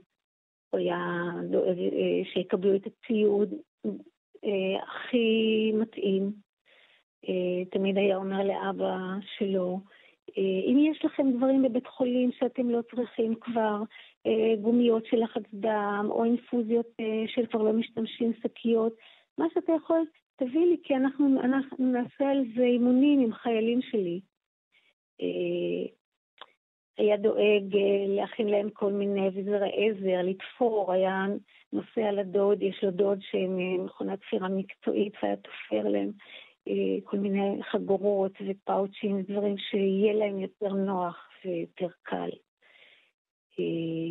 הם ראו אותו כמפקד קשוח, אבל גם מאוד אנושי. ועל זה הם אה, לא הפסיקו לדבר ולספר.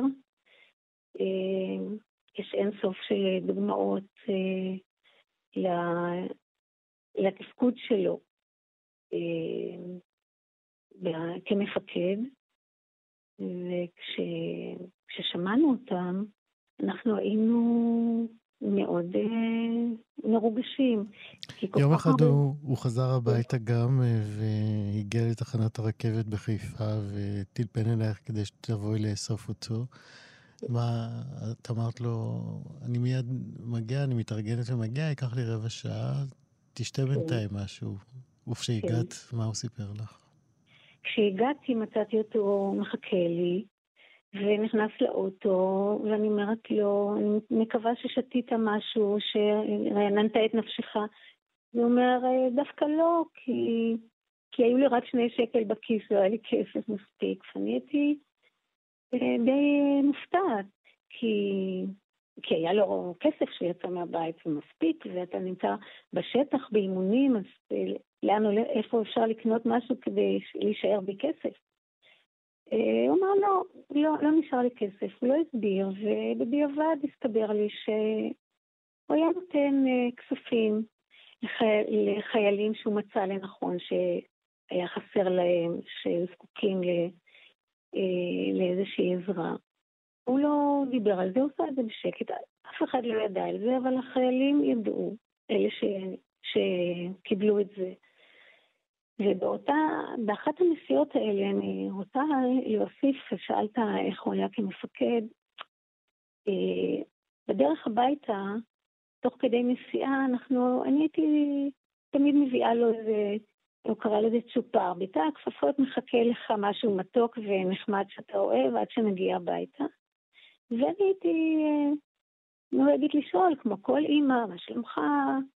אם אתה עייף, איך אתה, אתה צמא, אתה רעב, איך, אה, איך אתה מרגיש עכשיו, שאלות, שאלות של אימא. ואני רואה שבאיזשהו שלב הוא לא משתף פעולה עם השאלות שלי, והוא קצת אה, ככה מגיב בשתיקה, מניח את הראש, ככה מנסה קצת אה, אולי לנמנם אפילו. וראיתי שזה אולי לא נעים לו, והחלטתי ש... בפעם הבאה שאני באה לקחת אותו מהרכבת או מהתחנה, אני לא שואלת שאלות, אני נותנת לו לנוח עד הבית, ונוסעים. וכך היה.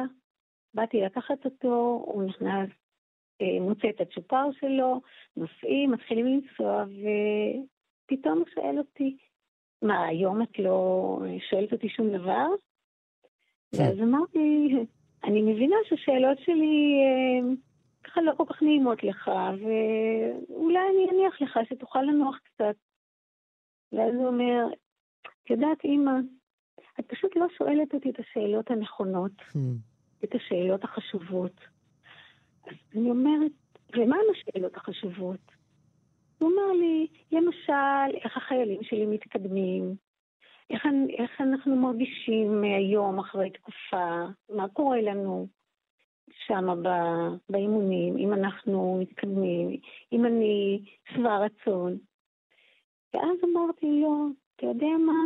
אז הנה, שאלתי אותם. בוא, אתה מוזמן לענות. ובתוך תוכי חשבתי לעצמי, מה הדברים החשובים לו היום, ואיפה הוא מעמיד אותם. אה, לא מה שלומי ולא מצב צמאוני או עייפותי, אלא בואי נדבר על הדברים הבאמת חשובים. זה מאוד ריגש אותי. הדברים המאוד חשובים שהעסיקו אותו באותם ימים זה החיים אה, בגדוד נחשון, שהיה כן. מוצב אה, בלב אה, האירועים הטרוריים. נכון. והלילות האלה, אני מניח, רצית לשאול יותר, אבל גם חששת מפני אותה חודרנות שחשת בשאלות שלך במכונית. גם בעלך הצטרף אה, לדאגה הזאת. כן, מטבע הדברים. אה, אנחנו ידענו, ידענו גם שהרבה דברים אנחנו לא שומעים ולא, והוא לא מספר לנו. וזה מאוד אה, מקובל אצל החיילים לא להדאיג ולא אה, לזעזע את המשפחה. אבל אנחנו ידענו, כי גם היו פעמים שבאנו לבקר, שאפשר היה בשבת נניח לבקר אותו, אנחנו ראינו איפה זה ממוקם ומה התפקידים שלהם. שזה לא... היה ממוקם איפה? זה היה ממוקם ליד עמנואל. Mm-hmm. במקום ש... שנמצא יישוב יקיר, ואני לא יודעת מה קורה היום שם, זה היה ממש בלב ליבו של השטח הפעיל. ו... ואנחנו כל הזמן ידענו ששם קורים דברים, ושהם שם בשביל אה, להגן, לשמור, למנוע, ו...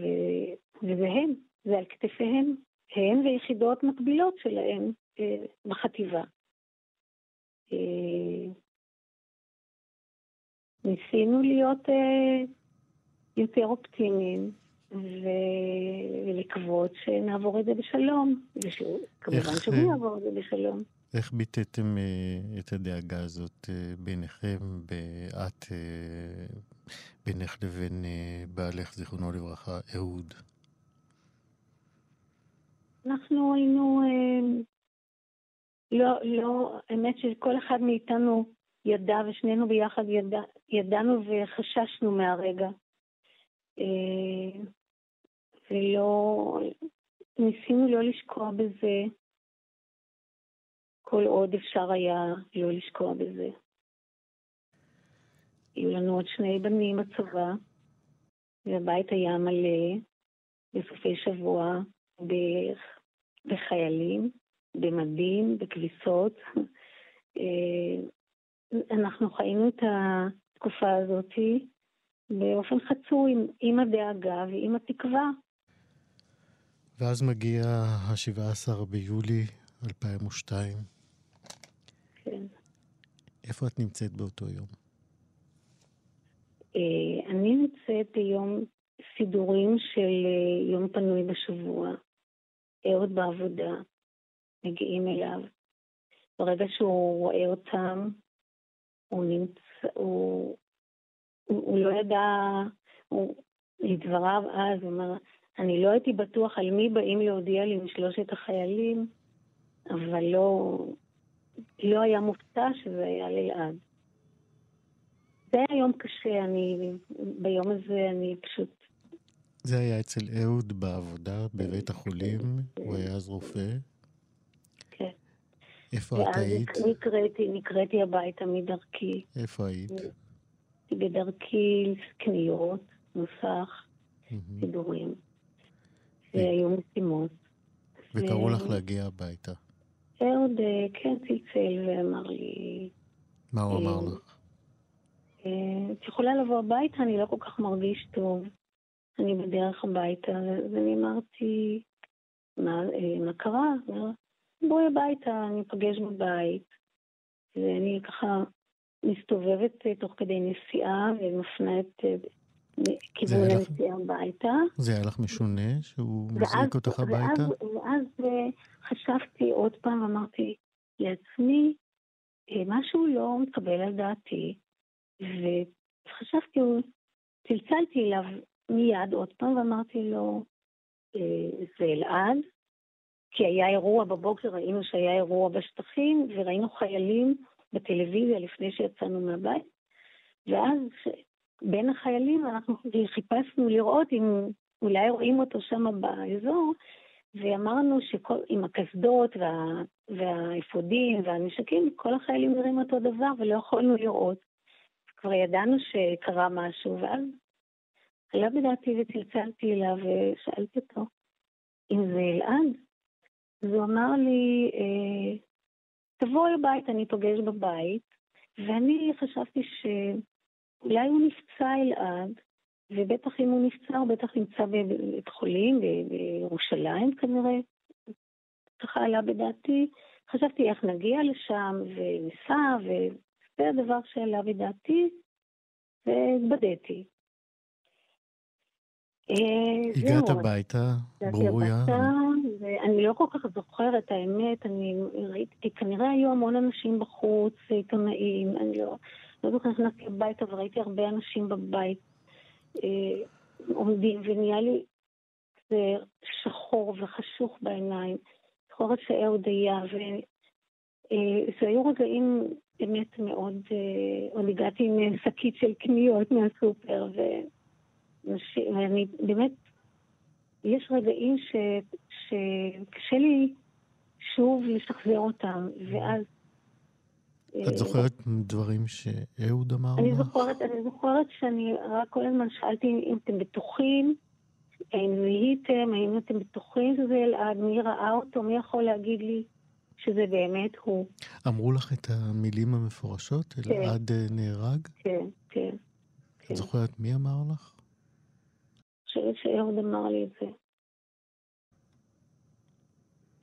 אה, היו עוד אנשים, אה, אנשי צבא, והיו עוד, כנראה מישהו מהבית חולים הגיע איתו, אני פשוט, אה, משהו, היה לי כזה, כזאת אה, תגובה של הלם, באמת, הלם טראומטי. וטוב, לאט לאט אה, זה נודע, וזה אה, השמועה עשתה את שלה, ושהם הגיעו, וטלפונים, ואני הייתי אה, מעורפלת קצת. הגיעו עיתונאים הביתה, ובאמת אה, יום, אה, מה שנקרא שחור משחור. אה, וכך יצאנו למסע הזה, המסע הקשה הזה של חיינו. היה רגע שבו חשבת שחייך מסתיימים, שקורה להם משהו אכזרי במיוחד? יהיו רגעים שחשבתי שהחיים הם, אה, יהיו כאלה רגעים שהחיים הם חסרי טעם, באמת. ולפעמים בתוך הכאב הגדול הזה, והכעס הגדול, והצער, אה, זה לוקח אותך למקומות אה, מאוד קשים. מה יש במקומות האלה? הרבה כאב.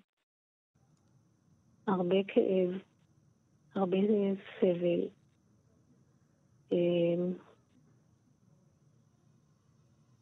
הרבה צער. זה משהו לא ניתן לתיאור במילים אפילו. כן, אמ, אלה היו באמת כל הימים מאז, הכל השתנה אצלנו כמובן. כל... לאורך כל הדרך, ברגע שזה קורה, שדבר כזה קשה קורה, כל אחד הולך עם זה בדרכו שלו, מתמודד עם זה בדרכו שלו. מה הייתה דרכך? אה, אתה יודע, אני הייתי רוצה יותר, קצת קשה לי עם, ה... אה, עם כל החשיפה הזאת, אה, ככה mm-hmm. לתוך, לתוך נבחי נפש שלי. כן.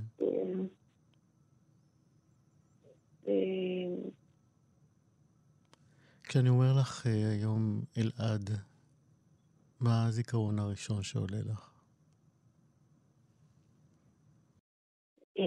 כשאתה אומר לי אלעד, אני ישר מתחברת לגעגוע אליו.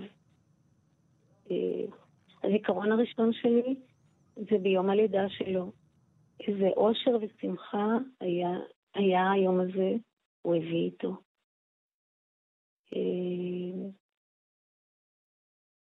ילד באמת, ילד של חיים, ילד של אור. ילד ערכי.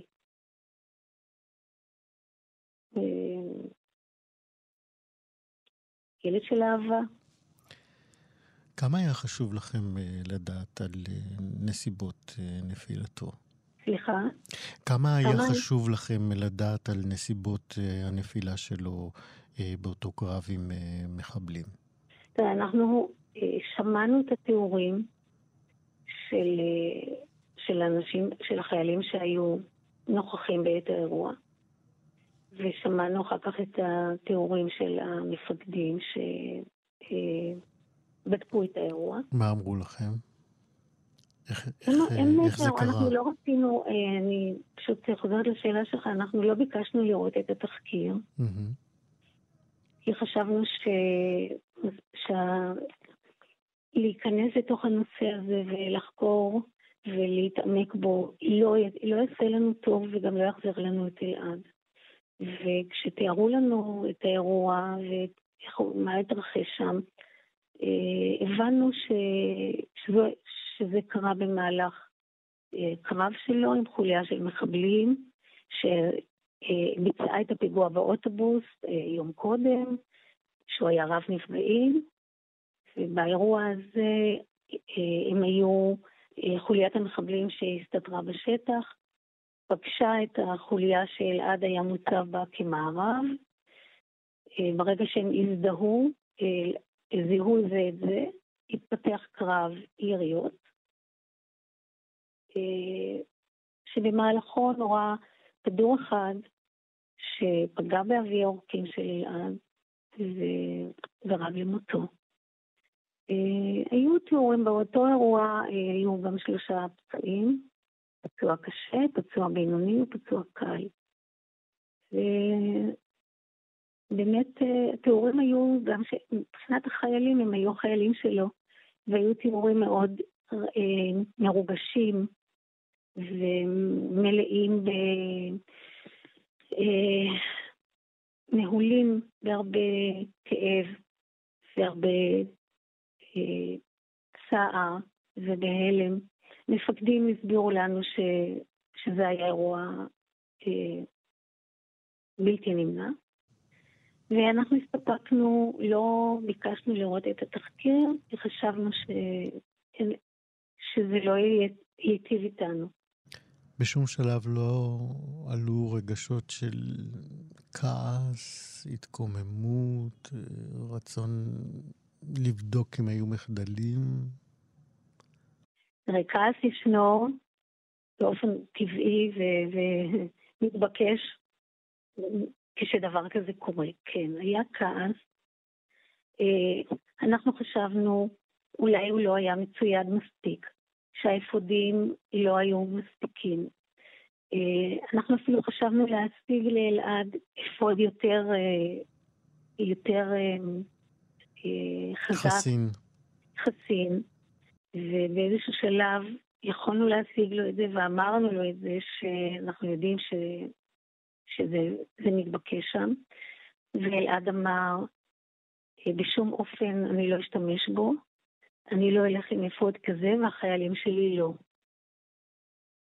ואז אה, כעסנו, בדיעבד כעסנו שחשבנו שאולי האפודים שלהם לא מספיק היו חסינים.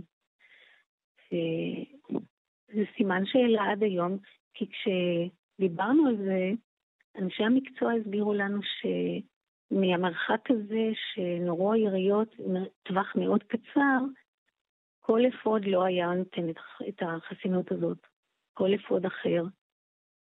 אה, יש את התחושה אה, לפעמים שבאמת לא היה, זה לא היה מספיק. אה, לא, היה, לא עשינו עם זה, מעבר לזה, יותר, וקיבלנו את זה כפי שהוסבר לנו.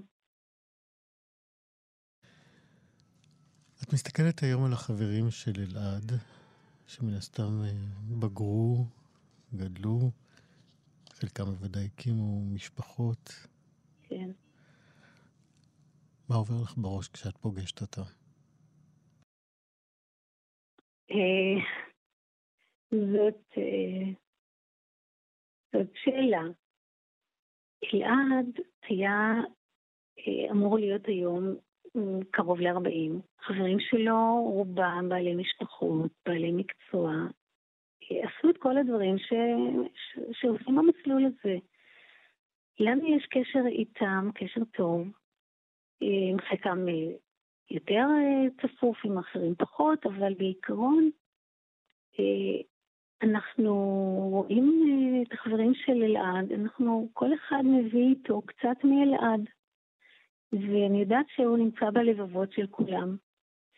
ואנחנו יודעים שכולם אה, אה, נושאים אותו איתם. וכשהם באים אלינו בימים האלה של אה, ימי האזכרה וימי הזיכרון, אה, אני יודעת שמנכיחים אותו, הוא נמצא ביניהם, וזה גם מה שהם אומרים לנו, כשהם באים לפה, הם רואים אותו אצלנו, הם רואים אותו בינינו. ועם כל הדילמות של אה, ההחמצות שלו, שגם הוא יכול היה להיות, אה, אנחנו גם מודעים להחמצות ש, שלנו ושלו, אבל אנחנו כן, אה, עם כל הקושי, אנחנו, קושי שלנו להתמודד עם זה, אנחנו מאוד uh, מקבלים, מכבדים, אוהבים את החברים שמגיעים, משתפים אותנו בחייהם, עם הילדים, עם... הם לא הרגישו אף פעם שהם עלולים לגרום לכם צביטה בלב כשהם התחתנו, כשנולדו להם ילדים? תראה, כש... כשהחברים התחילו להתחתן אחרי הצבא, התחילו להגיע uh, הזמנות. התחילה להגיע הזמנה ראשונה, הייתה הזמנה ראשונה לחתונה הראשונה, והגיעה אלינו. ואז אהוד ואני עשינו אה, דיון בינינו, וחשבנו, אה, הרי ההזמנה מגיעה אלינו כי אלעד איננו. אם, אם הוא היה פה, אז הוא היה מוזמן, לא אנחנו.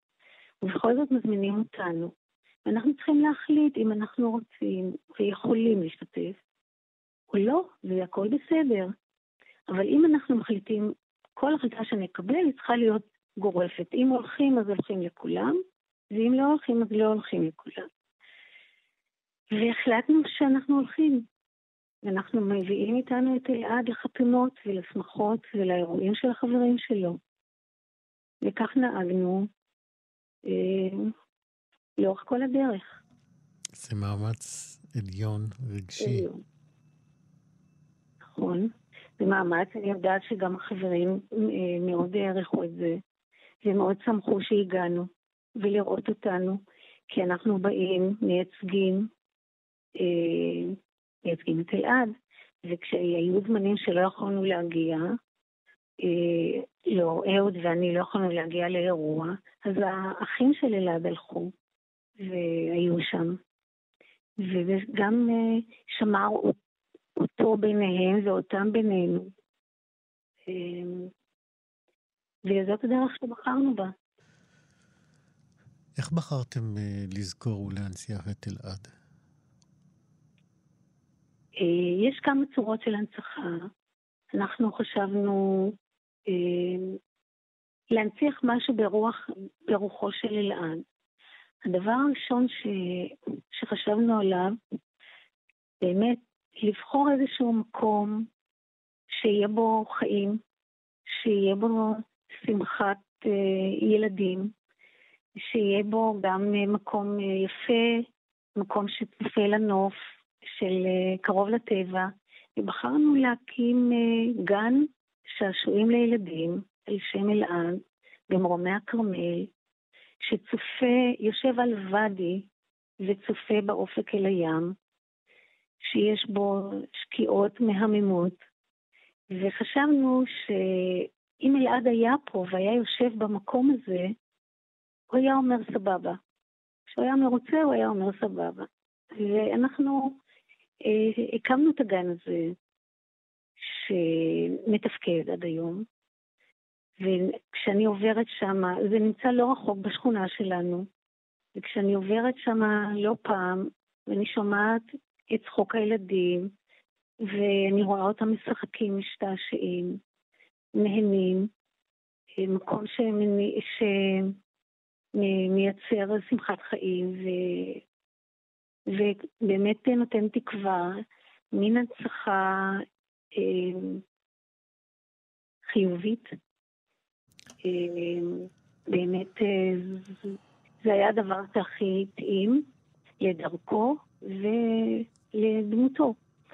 יש גם הנצחה אה, על ידי מתן מלגות בכנסים שונים, של, גם של הסקטור הרפואי וגם של אוניברסיטה, אה, של מדע החיים בתל אביב, אוניברסיטת תל אביב, אה, על שמו, ובכל טקס כזה שמוזכר שמו, אז גם אנחנו מייצגים אותו כן. בקצרה עם סיפור חייו, עם תמונות.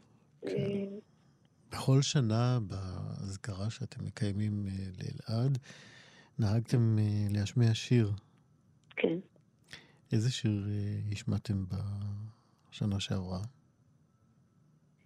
בשנה שעברה, רק רגע אני רוצה...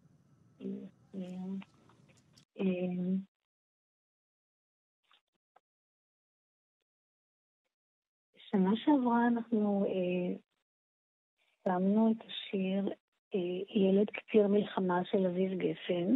איזה שיר?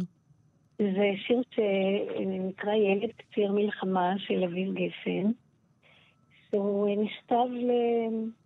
על מישהו מסוים שהיה חייל, ואביב גפן אה, כתב אותו ושר אותו. אה, באמת, באמת כל שנה אנחנו, בשנים האחרונות זה יותר מוטל עליי, אה, לבחור שיר שגם שיתאים לרוח הדברים, אה, וגם שיתאים לאזכרה. אה, זה היה באמת, זאת משימה לא קלה. שירים ששמנו במהלך השנים. שאהוד בחר, אהוד בעלך, זיכרונו לברכה. כן, כן האזכרה האחרונה שהוא אה, השתתף בה, הוא בחר את השיר אה, הנסיך הקטן מפלוגה ב'. שהושמע באזכרה. אה, באמת, הוא חיבר את זה בדבריו, הוא כתב את ההספד, והוא חיבר, הוא קישר בין, בין, זה, בין דבריו לבין השיר. במהלך השנים היו שאני, שאני אנקוב בשירים אחרים נוספים ש, שהיית רוצה כן, לשמוע. כן. אה, שיר כמו אנה בכוח, באחת האזכרות.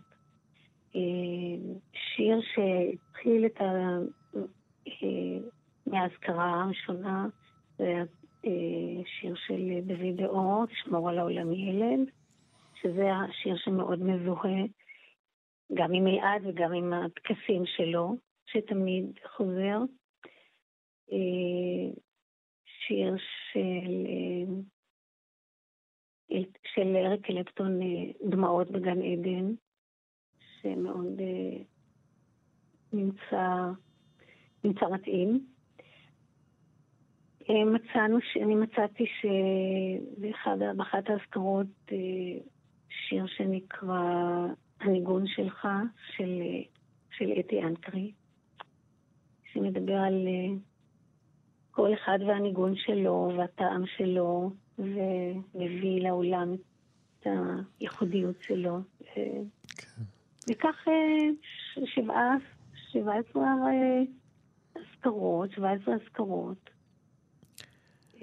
מלווים אותנו אה, כל פעם בשיר אחר. כן, ברוריה גרנדיר, גרנדיר. גרנדיר. כן, אימא של אה, סגן אלעד גרנדיר. איך אתם uh, מרגישים בימים האלה, ימי קורונה, שנמנע מכם uh, לעלות לקבר של אלעד ביום הזיכרון? כן. Uh, זה באמת uh, גזירה קשה וכבדה לנו. כי באמת אנחנו כל שנה נמצאים שם בחלקה לצידו.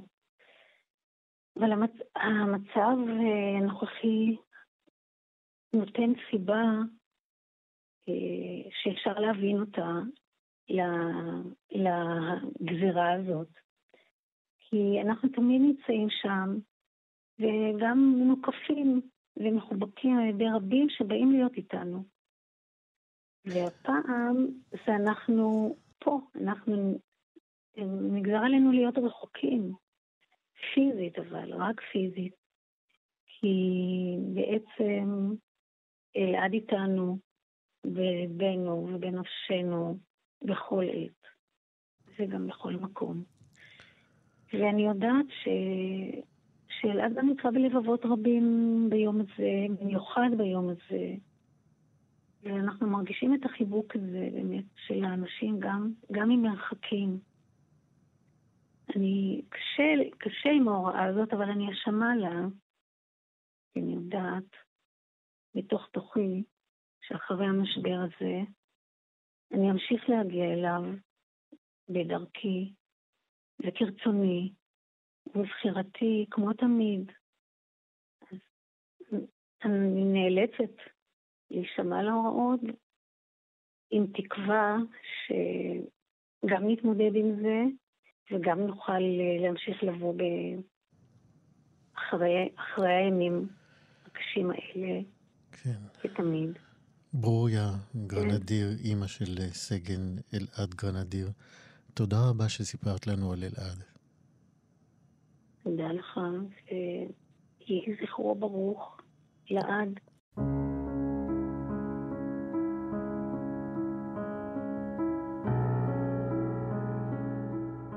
לפני שנים אחדות החליטו ברוריה ואהוד גרנדיר להוסיף את שמו של אלעד לשם המשפחה שלהם. גרנדיר אלעד. רצינו, אמרה אמו ברוריה, להנציח את שמו של אלעד מבלי לצפות או לבקש ממישהו אחר שיעשה זאת בשבילנו. זאת הדרך היותר מתאימה לשאת את שמו עלינו.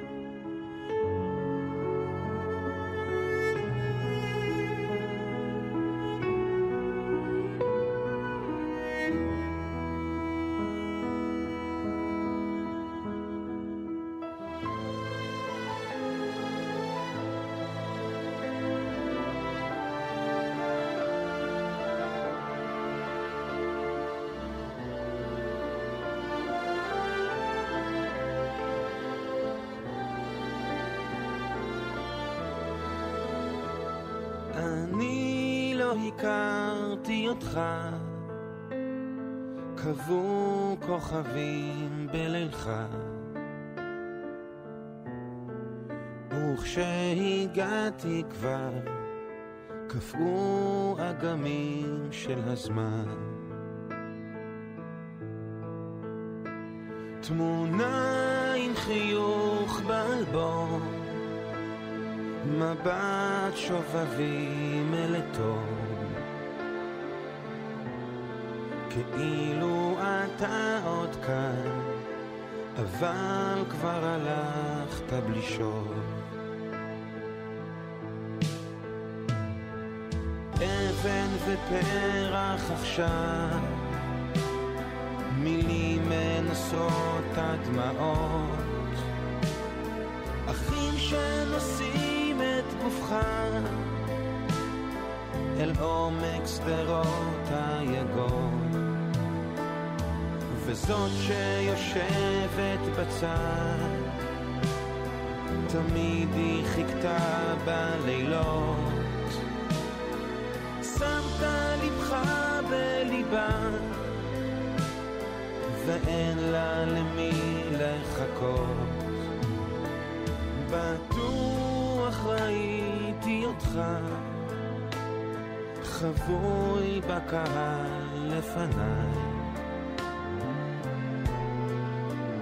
לא ידעתי עוד שחייך קשורים בחיי. אמא ואבא שלך רעדו כשחיבקתי אותם. תגיד לי אתה מה עושים,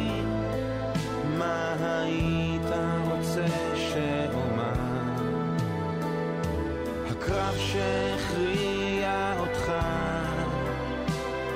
בשדות החיים המוזהר. ככה פגשתי אותך ילד קציר מלחמה, קציר מלחמה.